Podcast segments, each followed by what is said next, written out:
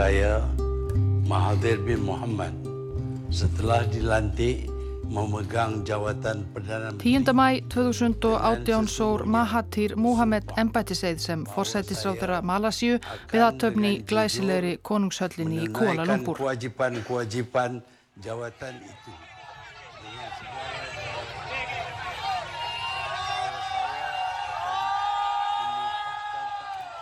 Fyrir utan fögnuðu stuðningsmenn nýja forsættisráþurans. Þetta var söguleg stund.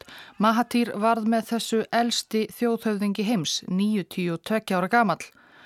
Og það kom fleira til. Dægin áður, 9. mæ, hafði flokkur Mahathirs gamla vonarbandalæð unnið sigur í þingkostningum og sigrað flokkabandalæð sem hafði stjórnað Malasíu óslitið frá sjálfstæði 1957.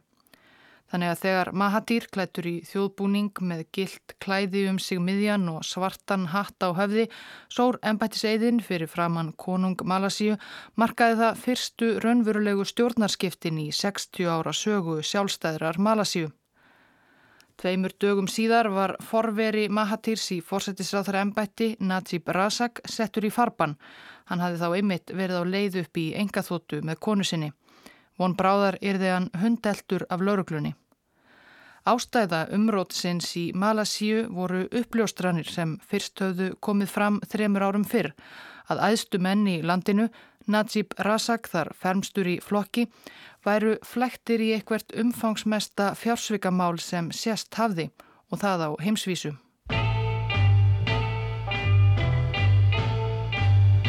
Good evening, ladies and gentlemen. I'm Joe Lowe. I'm excited to be here Joe Lowe, maðurinn í miðju þessa æfintýris, fættist 4. november 1981 í Georgetown, næst stærstu borg Malasíu og höfuborg fylgisins Penang á vesturströnd Malakaskaga. Hann leið ekki skort í æsku. Föður af hans Meng Tak hafði flutt til Malasíu frá Kína á árunum í kringum setnastríð og auðgast hóflega. Nákvæmlega hvernig er óljóst. Einn sagan er að hann hafi átt hlut í járngrítis námu. Svo segir önnur saga að hann hafi smiklað ópíumi. Hvað um það? Sónur hans Larry Lowe ávakstaði fjölskyldu auðin vel.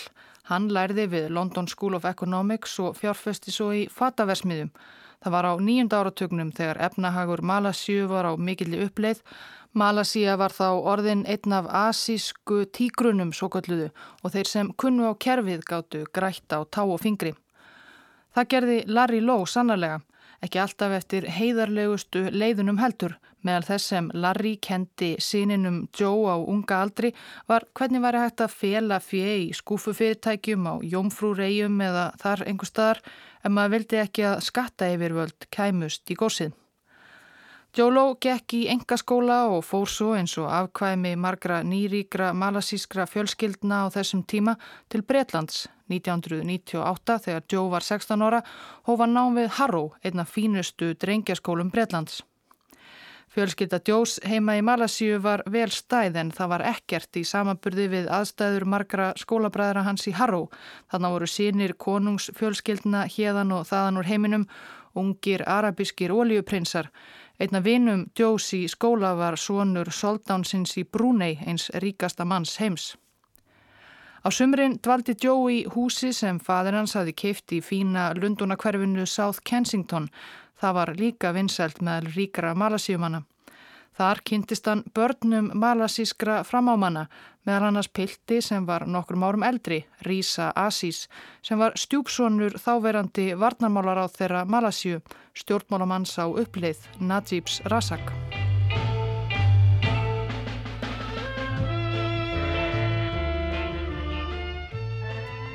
Malasíu hefur stundum verið hampað sem fyrirmynd í sínum heimsluta, líðræði innan um herfóringastjórnir og kommunistaríki. Líðræði saga Malasíu hefur þó verið frekar tilbreytinga lítil. Landið fekk endanlegt sjálfstæði frá breskum yfirráðum 1957 og tók þá við stjórninni hægri sinnað flokkabandalag skipað þremur fylkingum helstu þjóðernishópa sem byggja þetta fjölmenningalega land. Malaya samtökin UMNO, United Malays National Organization, voru fyrirferðamest í bandalæginu en það Malajar sem landið drefur napsitt af um helmingur íbúa Malasíu en auk þess voru samtök kínversk og indversk ættaðra Malasíumanna. Bandalægið sem upphaflega hétt bara bandalægið en kallaðist þar á 1973 Barisan National, þjóðarfylkingin eða BN, var lengst af langstesta og fyrirferðamesta stjórnmálarhefing Malasíu og drottnaði yfir þjóðlífi landsins og bandalagsmenn bröðust yfirleitt ókvæða við ef stöðu þeirra var ógnað. Á langri valdatíð fósettisráþerans og umnómannsins Mahatirs Muhammad. Það er öldungurinn sem við kynntumst í upphafið þáttar 1981 til 2003 varð Malasíu einn af þessum asísku tígrum og Mahathir er því stundum kallaður fadir Malasíu nútímans. En hann skapaði líka ósangjart stjórnkerfi sem hygglaði Malæjum á kostnað Indverja og Kínverja og Malasíu manna af öðrum þjóðernum og gerði lítið þegar flokkur hans var gegnum sirður af fræntikli og spillingu þó ekkert á við það sem koma skildi á valdatíð eftir manna hans.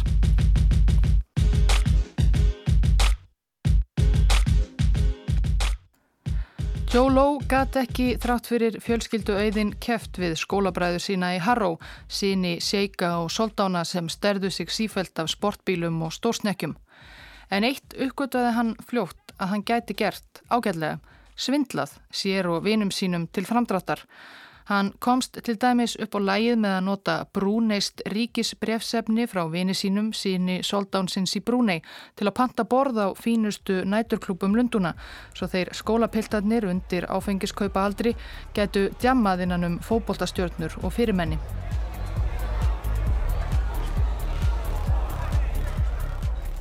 Þegar Joe útskrifaðist úr Harrow fór hann ekki í Cambridge eða Oxford sem flestir úr skólanum streymdu til heldur fluttið hann sig um set til Bandaríkjana.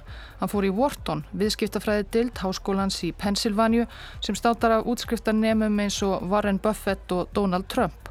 Hann ætlaði sér að feta í fótspór föður síns og afa í business.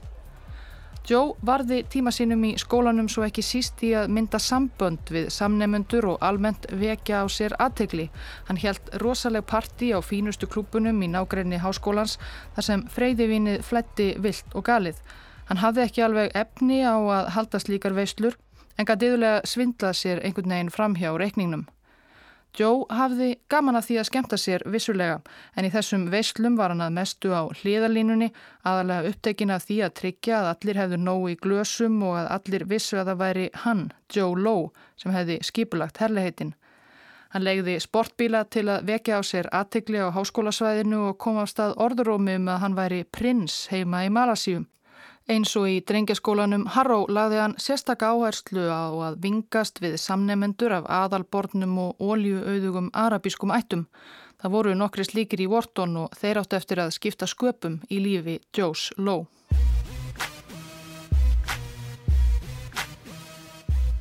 Haustið 2003 var Lowe 22 ára að byrja næst síðast árið í viðskiptafræði og hans helsta starfsreynsla var að hafa skipulagt parti fyrir samnemendur sínam en hann var ekkert að minnast á það við þá sem hann hitti á ferðsynni til Abu Dhabi, eins saminuðu arabísku fyrstadæmana. Abu Dhabi var þá nokkuð í skugganum af öðru fyrstadæmi, Dubai, en var að mjaka sér áfram með hjálp óljuauðs sem óks og óks í takt við hækkandi óljuverð og þegar Joe Lowe spórseraði um Abu Dhabi haustið 2003 voru þar að rýsa fyrstu virkilega íburðarmiklu skíakljúvarnir. Í gegnum arabíska vini sína í Wharton hafði Joe tekist að bóka hátægisverðarfund með Yusuf al-Otaiba, ráð þeirra síni sem var ráðgjafi krónprinsins og innsti koppur í búri í fyrstadæminum. Joe Lowe kynnti sig sem ungan veltengdan malasískan businessmann sem vildi aukið samstarf millir Malasíu og Araparíkja. Í Malasíu, þessu vaksandi hagkerfi, saðan, væru alvöru tækifæri fyrir ríki Arabíu skagans sem vissu ekki auðra sinna tal. Og tæpa kynnti Djó meðal annars fyrir kunninga sínum, ungum fjárfesti sem rak ofinberan fjárfestingarsjóð Abu Dhabi. Það var oljusjóður eins og fleiri Araparíki heldu úti og auðvitað Noregur. Markmiðið að nota oljuauðin til að ebla og þróa hagkerfi fyrstadæmisins og ungi fjárfestirinn hafi mikil auðæfi að sísla með. Þetta var spennandi, hugsaði Djó Ló. Mjög spennandi.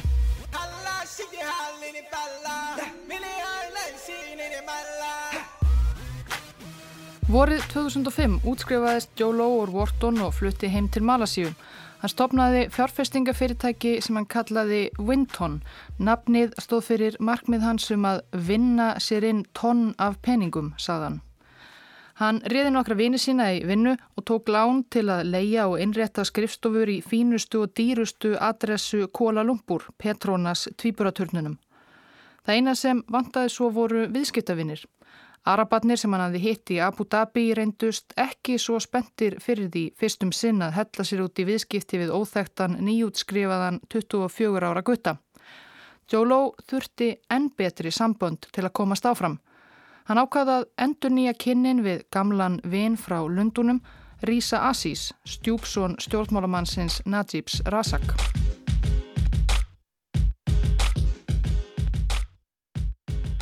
Najib Razak, fættur 1953, er elsti sonur Abdul Razak Hussein sem var annar fórsættisráð þeirra Malasíu frá 1970 til dauðadags 76. Najib var mentaður í hagfræði í Breitlandi og vann þar á eftir bæði í banka og hjá ríkis oljufélaginu Petronas en það kom aldrei mikið annað til greina en að sonurinn fetaði í fótspór föðursins. Hann var svo gott sem alin upp til verksins í valdasölum umnóflokksins. Najib tók við þingsæti pappa að honum látnum, þá var hann 23 ára gammal og hann varð ráþerra ekki löngu síðar. Árið 2004 var hann orðin varaforsætisráð þeirra Malasíu. Átti hann uppgang sinn ekki síst að þakka því að hann var snemma tekin undir verndarvæng að valdamesta mannsins í Malasíu, Mahatirs Muhammed. Najib egnaðist þrjú börn með fyrstu konu sinni sem hann var giftur 1976 til 87. Eftir það giftist hann aftur konuðanabni Rosma Mansur. Þau hafa verið saman síðan og eiga saman tvö börn en þarðu ekki átti Rosma tvö börn úr fyrra hjónabandi. Þar á meðal var Rísa Asís.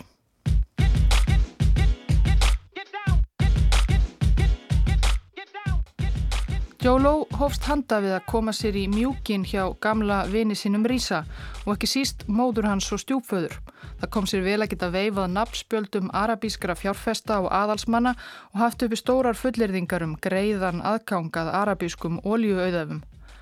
Og það bar árangur. Joe komst inn á kontor hjá Najib Razak og frekar undraverðan hátt tókst honum að koma á samningi milli arabískra fjárfesta, kunninga sinna ár Abu Dhabi ferðinni og malasískra stjórnvalda um uppbyggingu nútímalegs hverfis á sunnanverðum Malakaskaga.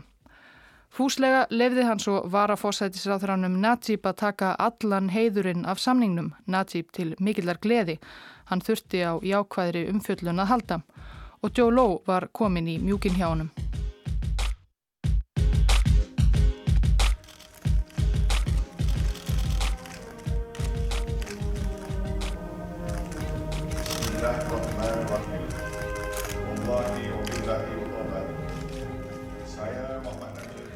Árið 2009 eftir innbyrðist deilur og vandræði í umnóflokk Malaja tók Najib Razak við ennbætti formans og varð fórsættisáþurra eins og hann hafi verið alun upp til að gera. En UMNO og Barisan National bandalægið stóð ídla. Í síðustu kostningum hafi bandalægið rétt nömlega haldið völdum. Það var vaksandi ónæja með stjórnarætti þess og sérilægi meðal kínuverskra og indverskra malasíumanna sem voru þreyttir á ofríki UMNO og á því að vera annars flokks í eigin landi. Najib sá í hendi sér að til að rétta úr kútnum þyrti hann að hafa úr miklum fjármunum að spila og svo vildi til að hann þekkti einmitt ungan mann sem virtist þekkja fjöldanallan af vell auðugum arabískum fjárfestum og hafið þegar hjálpaðunum. Það var því eitt af fyrstu verkum Najibs Razak sem fórsættisráð þeirra að ringja í Joe Lowe.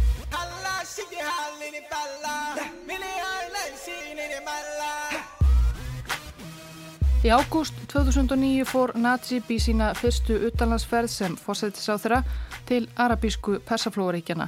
Með í för var kona hans Rosma og Joe Lowe, 28 ára gammal. Svo náinn var hann strax orðin fórsættisáþaranum að einhverjir sem Najib hitti í ferðinni gerður áfyrir að ungi maðurinn hliti að vera einhver ráþæra. Malasíska förunetið hitti konung Sáti Arabíu og krónprinsinn í Abu Dhabi og eftir kvöldverð með hinnum síðan nefnda tilkynnti forsætisráþurann um stopnun Malasísks þjóðar fjárfestingasjóðs í ætt við arabísku og norsku oljusjóðina. Það var svona sjóður sem Joe Lowe hafi verið að láta sig dreyma um síðan hann kom fyrst til Abu Dhabi sex árum áður og hitti unga sjóðstjóran sem síslaði með heilu miljardana í dólarum talið.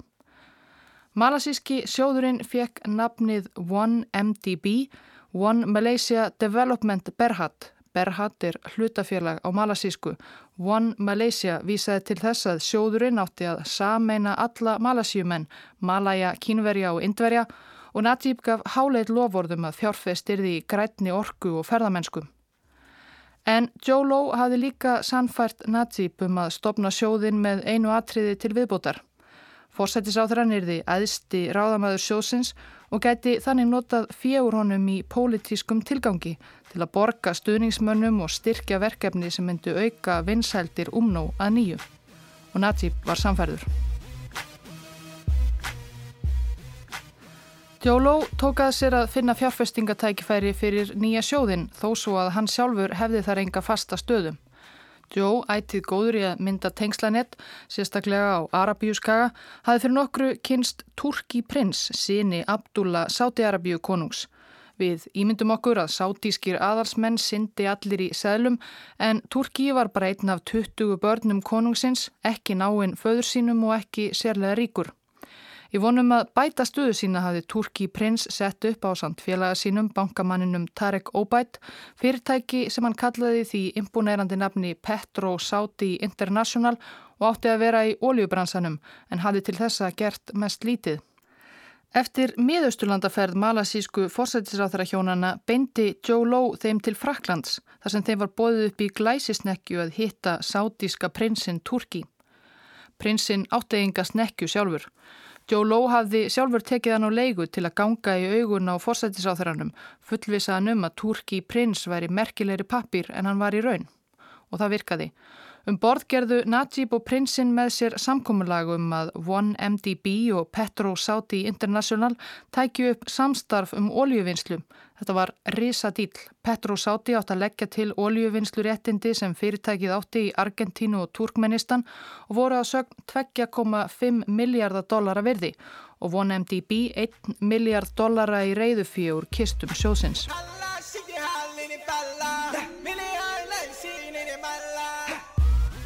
Samningurinn var klár á met tíma, tæpum þremur vikum. Marg miljardar viðskipti í ólíugeiranum taka yfirleitt mánuði eða ár. En um miðjan september kom fyrirskipun um að millifæra 1 miljard dollara út af reikningi 1MDB í Malasíu. Reyndar ekki í heilu lægi. Af einhverjum ástæðum sem stjórn sjóðsins var ekki greint frá fóru 300 miljónir dollara beint á sameinlegan reikning Petro Sáti og sjóðsins í svisneskum banka en 700 miljónir fóru á annan reikning í öðrum svisneskum banka. Sá reikningur var skráður á fyrirtæki að nafni Gold Star sem Joe Lowe sagði bankamönnum Deutsche Bank sem sáu um þessa gríðarstóru millifærslu að væri í eigu Petro Sáti og með fjennu ætti að borga lán sem Petro Sáti hefði þegar veitt innum ónemnda samstarfsvettvangi fyrirtækisins og OneMDB. Hvernig mótti það vera því sá samstarfsvettvangur var ju varla til enn.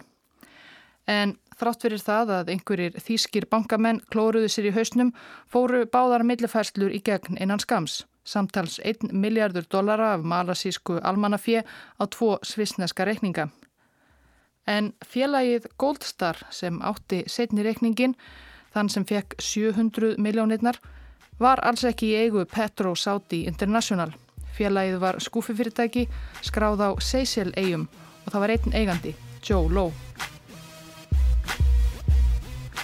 Með nokkrum góðum vinnum, nokkrum tölvupostum og nokkrum legum hafi Joe stólið 700 miljónum dollara.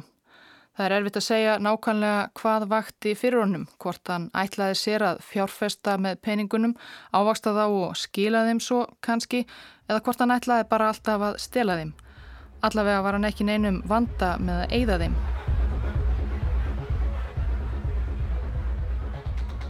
Joe fór til bandaríkjana. Hann leiði sér svítu í Park Imperial íbúðablokkinni á Manhattan, mánaðarlegan 11 miljónir íslenskra króna. Hann leiði líka íbúðir í blokkinni fyrir nokkra af sínum bestu vinum, félaga ár, business og skóla og saman hófist þeir handa við að mála bæin rauðan.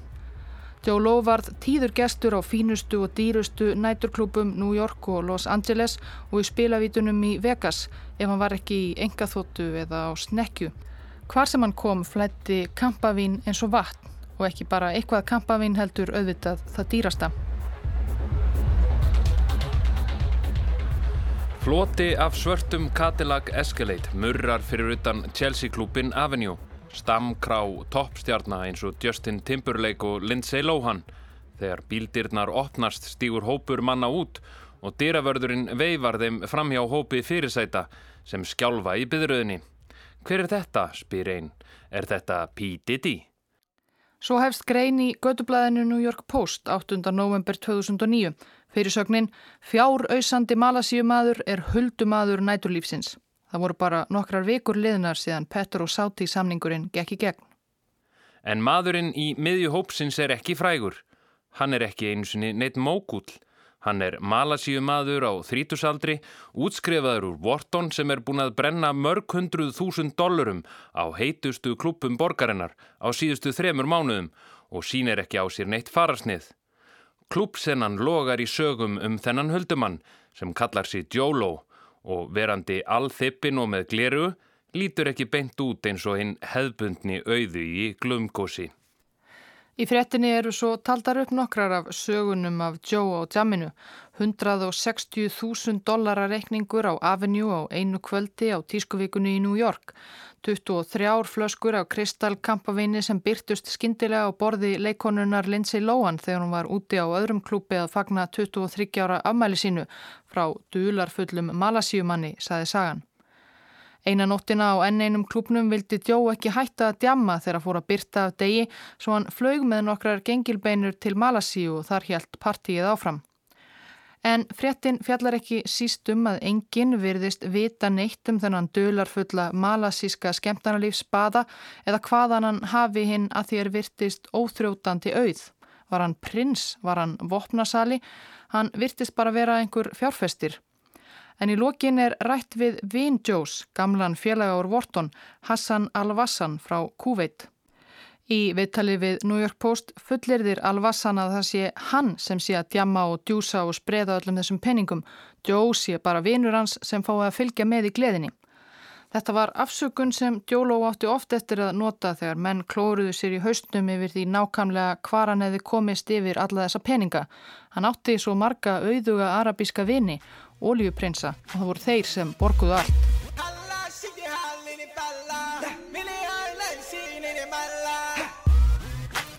Joe Lowe vissi það sem er ofinbært leindarmál í Hollywood og öðrum fræðarkreðsum Vestanhafs að ef þú átt nóg á peningum er hægt að borga næstum hverja einustu stjórnu rétta upphæð fyrir að koma í partíðmanns eða álíka.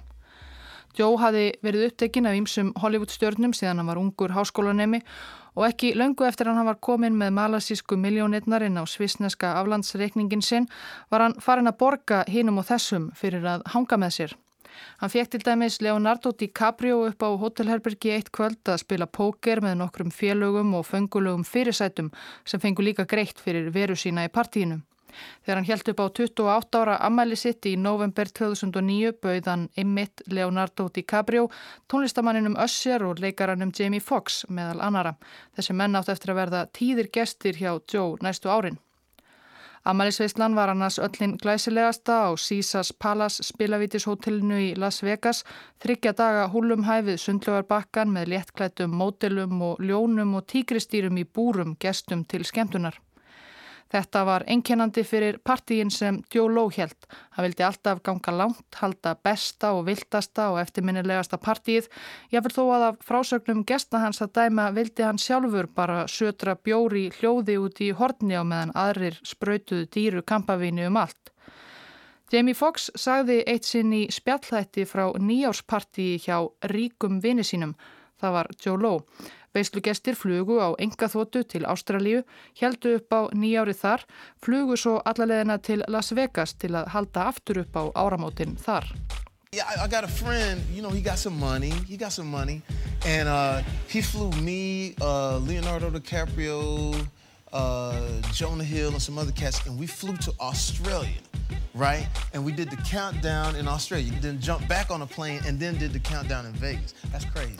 Önnur stjarnar sem Joe borgaði fyrir samneiti við var hótelerfingin Paris Hilton sem með þessar myndir á sínum stormasama ferli síðla árs 2009 var að leika í ýmsum kvikmyndum sem fæstar mæltust sérlega vel fyrir sem og í raunveruleika þáttum um eigið líf. Hún tók þá 100.000 dollara fyrir að mæta í parti til ókunnura sem Joe borgaði gladur en það hafði hann lengi verið heitlaður af Paris. Oftar en einu sinni en það tókst smátt og smátt með þeim hótelervingjanum og malasíska huldu auðmanninum einhvers konar vinskapur. Þau sáust svo oft saman að slúðurblöðin veltu fyrir sér hvort malasíumadurinn þippni væri nýr kærasti. Þeir sem þekktu Joe Lowe á þessum tíma bera honum alls ekki ítla söguna. Hann var góðhjartaður og gjafmildur, vildi alltaf tryggja að öllum liði vel og allir skemmtu sér í förunetti hans, alls ekki hinn típiski hrókafulli auðmaður. Í gegnum Paris Hilton kynntist Joe manniða nafni Joey McFarland. Var vinur hennar frá Kentucky sem hafi fengist við ímislegt um æfina. Átt hlut í grískum skyndibitastadi í Cincinnati til dæmis en hann kynntist Paris eftir að hann flutti til Los Angeles og fegst við að bóka smástyrni í partí og klúpa. Í gegnum Joe kynntist Joey McFarland svo, það var í skíðaferð sem hann bauð vinum sínum í, Risa Aziz, stjúpsinni Najib Sarasaks fórsætis á þeirra Malasíu og manninum sem hafi gert ríkidæmi Joes mögulegt. Það tókst vinskapur með þeim Joey og Risa. Þeir deildu ofur áhuga á kvikmyndum. Risa var endar mest fyrir ítölsku nýbylgjuna en Joey McFarland amerískar aksjónmyndir. En það gildi einu. Það leiði ekki á löngu þar til þeir voru farnir að láta sig dreyma um að fara sjálfur út í kvikmyndabransan. Jú, í gegnum vinsinn Joe Lowe hafðu þeir aðgengi að ótrúlegum fjárhæðum eins og þurfti til að búa til kvikmyndir og í gegnum vinsinn Joe Lowe hafðu þeir jú líka aðgengi að ýmsum nafntóðum Hollywoodstjörnum. Það þurfti líka. Þetta gata eiginlega ekki klikkað.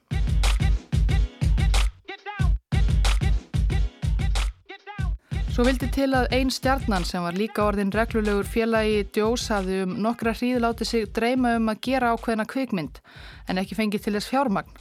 Jafnvel þó stjarnar þessi væri sjálfur Leonardo DiCaprio. Árið 2007 hafði DiCaprio fyrir umtalsverða fjárhæð tryggt sér kvikmyndaréttin á sjálfsæfisugu Jordans Belfort sem hafði svikið miljónir út úr fjárfestum í fyrirtæki sínu Stratton Oakford á nýjunda og tíunda áratug síðustu aldar og lifað viltu gjálífi, stöðu parti í eiturlif og vendiskonur, bókin Wolf of Wall Street. It was a madhouse, a greed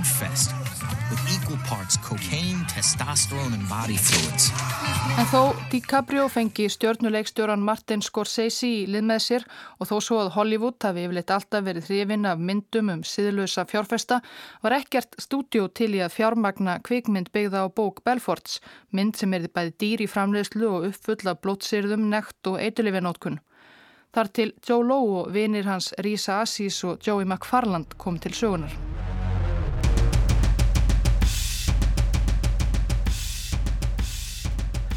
Einhvern veginn var það svo úr í september 2010 að Risa og McFarland stopnuðu framlegslu fyrirtækið Red Granite Pictures. Joe Lowe hafði engan titil hjá félaginu en sá um fjármagnið út af botlausum bankareikningi sínum. Fyrsta myndin sem fyrirtækið framleiti The Wolf of Wall Street í leikstjórn Martin Scorsese með Leonardo DiCaprio í titil hlutverkinu. Let me tell you something. There is no nobility in poverty. I have been a rich man and I have been a poor man and I choose rich every fucking time. Lowe gengdi aldrei neittni ofinberi stöðu hjá fjárfestingasjónum 1MDB. Í fyrstu mætti hann af og til á stjórnarfundi en þótti líklega óþægilegt að vera spurður gaggrítna spurninga um hvert peningar sjóðsins færu einlega svo hann hætti því að mæta fljóðlega. Þeir stjórnarmenn sem voru gaggrínir fengu líka fljóta fjúka og Joe og Najib röðuðu eigin jámönnum í stjórn sjósins. Flestir óbreyttir starfsmenn 1MDB endust heldur ekki lengi. Ég vil óreindustu viðskiptafræðingar sem sjóðurinn réði til sín voru fljóttir að átta sig á að ekki var allt með feldu og þeir letu sig yfirleitt hverfa innan skams. Hinn upplokni dýtlum samstarfið Petro Sáti var ekki eini vafasami fjármálagjörningurinn sem Joe Lowe stóð fyrir Of langt mál væri að greina frá hverri fléttu hans hér en áhuga sömum er bent á bókina Billion Dollar Whale eftir tvo bladamenn Wall Street Journal, Tom Wright og Bradley Hope. Bókin er afrakstur áralangrar rannsóknar þeirra á umsvifum djós og er þar fjallað ítarlega bæðu um fjársvík hans og svall og eðslusemi. Það er sögur eru líka ansi margar. En svo að segja í hverju skrefi beittu Joe og samverkamenn hans blekkingum um fyrirætlanir sínar og eðli sjóðsins og notuðu ímistryggs, skúfu fyrirtæki, fölsuð skjöl og hreinar legar. Umsvið Joes voru samt ítrekkað viðurkend af alþjóðlegum fjármála og eftirritsfyrirtækjum eins og KPMG og Deloitte. Og Joe stundaði viðskipti við stórbanka eins og Deutsche Bank og Goldman sem ættu heldur maður að vita betur en að falla fyrir slíkum tryggsum og aðtuga ekki nánar grunnsamleg miljóna viðskipti eins og 1MDB átti í. En Goldman raunar stórgrætti á viðskiptum sínum við sjóðin meðal annars fyrir að sjá um afar vafasamt 30 miljardar dollara skuldabrifa útbóð Og fleiri bankar og fjármálastofnanir grættu líka, svo það var kannski ekki að undra þótt enginn segði stigðarorð um sjóðin. Was all this legal? Absolutely not. We were making more money than we knew what to do with. The Wolf of Wall Street var frumsýnd í desember 2013 og gekk vel í bíóhúsum. Það hafði vakið nokkra undrun í framleysluferlinu að stórmynd eftir Martin Scorsese með Leonardo DiCaprio í aðalhutverki væri kostuð að tveimur nýgræðingum sem enginn hafði hirt minnst á áður, Risa Asis og Joey McFarland. Þeir voru tengdir asískri konungsfjörskildu var einn sagan sem gekk. Það var ríkur Arabi á bakvið á, var önnur. Fá að grunnaði að fjármagnið á bakvið þessa stórmyndum fjársvikara væri afrakstur enn verri fjársvika. Og svo áttu framleiðendunir bara greinilega næga peninga og hvaðan peningarnir voru skipti ekki mestu. Það var enda ekkert til sparað við framleiðslu myndarinnar nýheldur í veistluhaldi í kringum uppdökurnar. Joe Risa og Joey McFarland gerðust líka mjög gjafmildir. Um það leiti sem myndin var í framlegslu var Joe orðin mikill listunandi og kefti rándir málverk í stríðum ströymum á uppbóðum. Málverk geta líka verið góð fjárfesting ef maður vil leina ítla fengnu fjö. Þannig kefti Joe 30 miljóna dollara Picasso-verk og 9 miljón dollara verk eftir Jean-Michel Basquiat og gaf Leonardo DiCaprio sem þakkarvott fyrir gjöfult samstarf í kvikmyndabransanum. En það þakkaði DiCaprio vinum sínum þegar hann tók á móti Golden Globe velunum fyrir hlutverk sitt sem svikarinn Jordan Belfort. Thank you to the entire production team, Joey, Riz, and Joe. Thank you for being uh, not only collaborators but taking a, a risk on, on this movie, truly. Najib Razak, fórsættisáð þeirra, fekk og nokkuð fyrir sinn snúð fyrir að leifa Joe Lowe að leika lausum hala með þjóðarsjóðin. Joe hafði jú selt ráþaranum hugmyndina um sjóðin með því að hann fengið að njóta góðs af auðnum í sinni pólitísku baráttu. Það veitti ekki af. Najib og bandalag hans virtu standa tæpar með hverju árinu. Í aðdraganda þingkostninga 2013 notaði Najib 1MDB peninga óspart til að auglýsa sig og flokksinn. Með þess að hann gerði var að borga söður kóreisku popstjórninni Psy sem um þær mundir naut mikill að vinsalda um heimallan fyrir lagið Gangnam Style fyrir að tróða upp á fundi í tvísínu kjördæmi. Á vandræðalegu myndbandi má heyra að mannfjöldin var afar til í að hlýða á Psy en var ekki eins spentur þegar Najib spurði hvort þau vildu ekki áframhaldandi stjórn BN, Barisan National. Are you ready for Psy?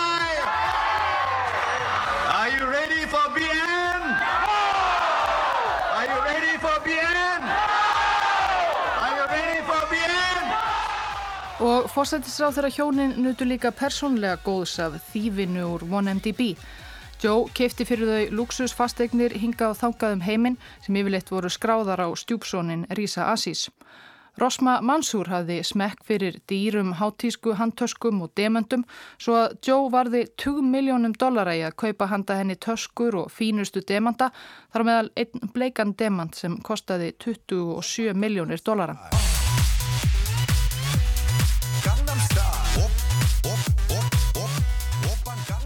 Vorið 2011 var Xavier Justo komin með nóg af vinnustað sínum. Kunningi hans, Sátin Tarek Obaid, hafi samfært hann um að koma og vinna fyrir fyrirtæki sem hann rak með prinsinum Turki, Petro Sáti International. En starfið reyndist glatað. Justo fjekk ekki borga það sem honum var lofað og vinnur hans varð æg erfiðari í samstarfi eftir því sem hann auðgæðist meira og meira á risadílum sínum við malasískan fjárfestingarsjóð 1MDB. Jústó gafst lags upp og hætti störfum í mars 2011. Hann átti þó inni vangoldin laun og til að tryggja sig þá tók hann síðasta vinnudaginn afritt af tölvukerfinu hjá Petro Sáti, 90 gigabæt af gögnum, mörg 100.000 tölvuposta. bara svona til öryggis. Það liður svo þrjú ár þar til orðrómur um að Justó þessi byggi yfir áhugaverðum gögnum barst til eirna konuðanabni Claire Rákastel Brown. Hún er breskur bladamæður, fætt í Malasíu og hafði þá í nokkur ár haldið úti beittu bloggi um spillingu í fæðingar hér aðeins sínu Saravaka og Borneo, stjórnvöldum þar til lítillar gleði. Hún hafði áhuga því að þá um 2014 var fólk bæði innan Malasíu og utan byrjað að spyrja spurninga um 1MDB. Ekki síst vegna þess að sjóðurinn virtist á lítið hafa fjárfest af viti og tapað mörgum miljörðum dollara á þeim fimm árum sem hann hafi verið starfræktur. Hvað var eiginlega í gangi þarna? En Nazi Brasak varðist allra fregna. Fregnir af fordamalösu gjálífi Joe Lowe Vestanhafs höfðu þá líka borist í malasísku pressuna og menn klóruðu sér í haustnum yfir því hvaða náungi þetta væri og hvaðan hann hefði peningana.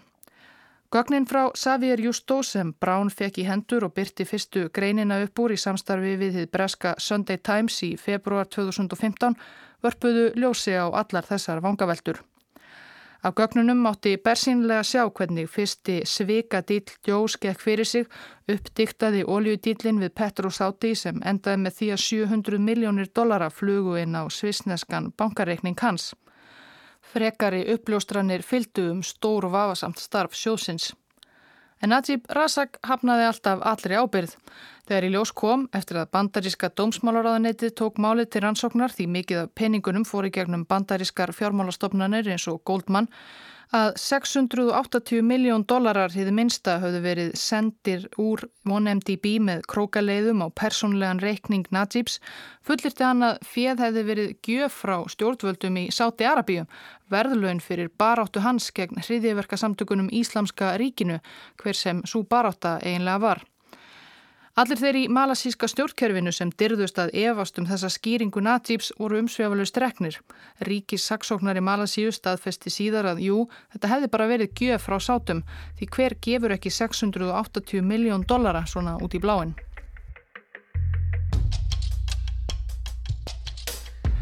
En Najib gæti ekki þakkað niður í öllum og ekki komist undan að eilífu.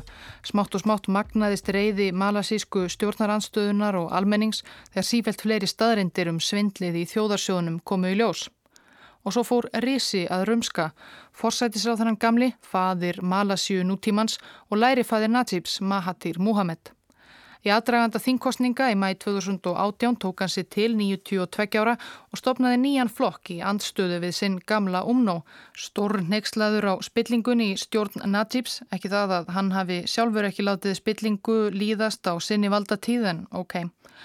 Kjósendur fylgtu sér að baki gamlamanninum og flokkur Mahatirs vann sögulegan sigur í þingkostningunum og batt þannig enda á 60 ára valdatíð umnó og Barisan National. Mahatir settist aftur í embætti fórsættisáþra. Najib Razak var meinað að fara á landi og honum og konu hans hafa verið byrtar ótal ákærur fyrir fjársvik og peningaþvætti. Þau hefur höfðið sér þunga fangelsistóma. Najib hefur gert margt, margt af sér eins og Mahathir orðar það. There are many charges against Najib Razak. Many things wrong, many wrong things that he has done. Það væri raunar ómögulegt að telja upp alla vittleysuna sem komið hefur í ljósa Joe Lowe og fórsættisráð þeirra hjónin Najib Razak og Rosma Mansur eittu í íllafengnu fjem. Ég myndist hérna á það til dæmis að fórsættisráð þeirra frúin Rosma hafi verið hrifin af háttísku handtöskum. Hún var kannski ekki bara hrifin af handtöskum, meira sjúk. Þegar malasíska lauruglan gerði húsleit á heimili þeirra hjóna eftir að Najib leta af ennbætti, laði hún hald á einar 567 handöskur frá 72 hátískumerkum, Chanel, Prada, Versace og 272 bara frá Hermes.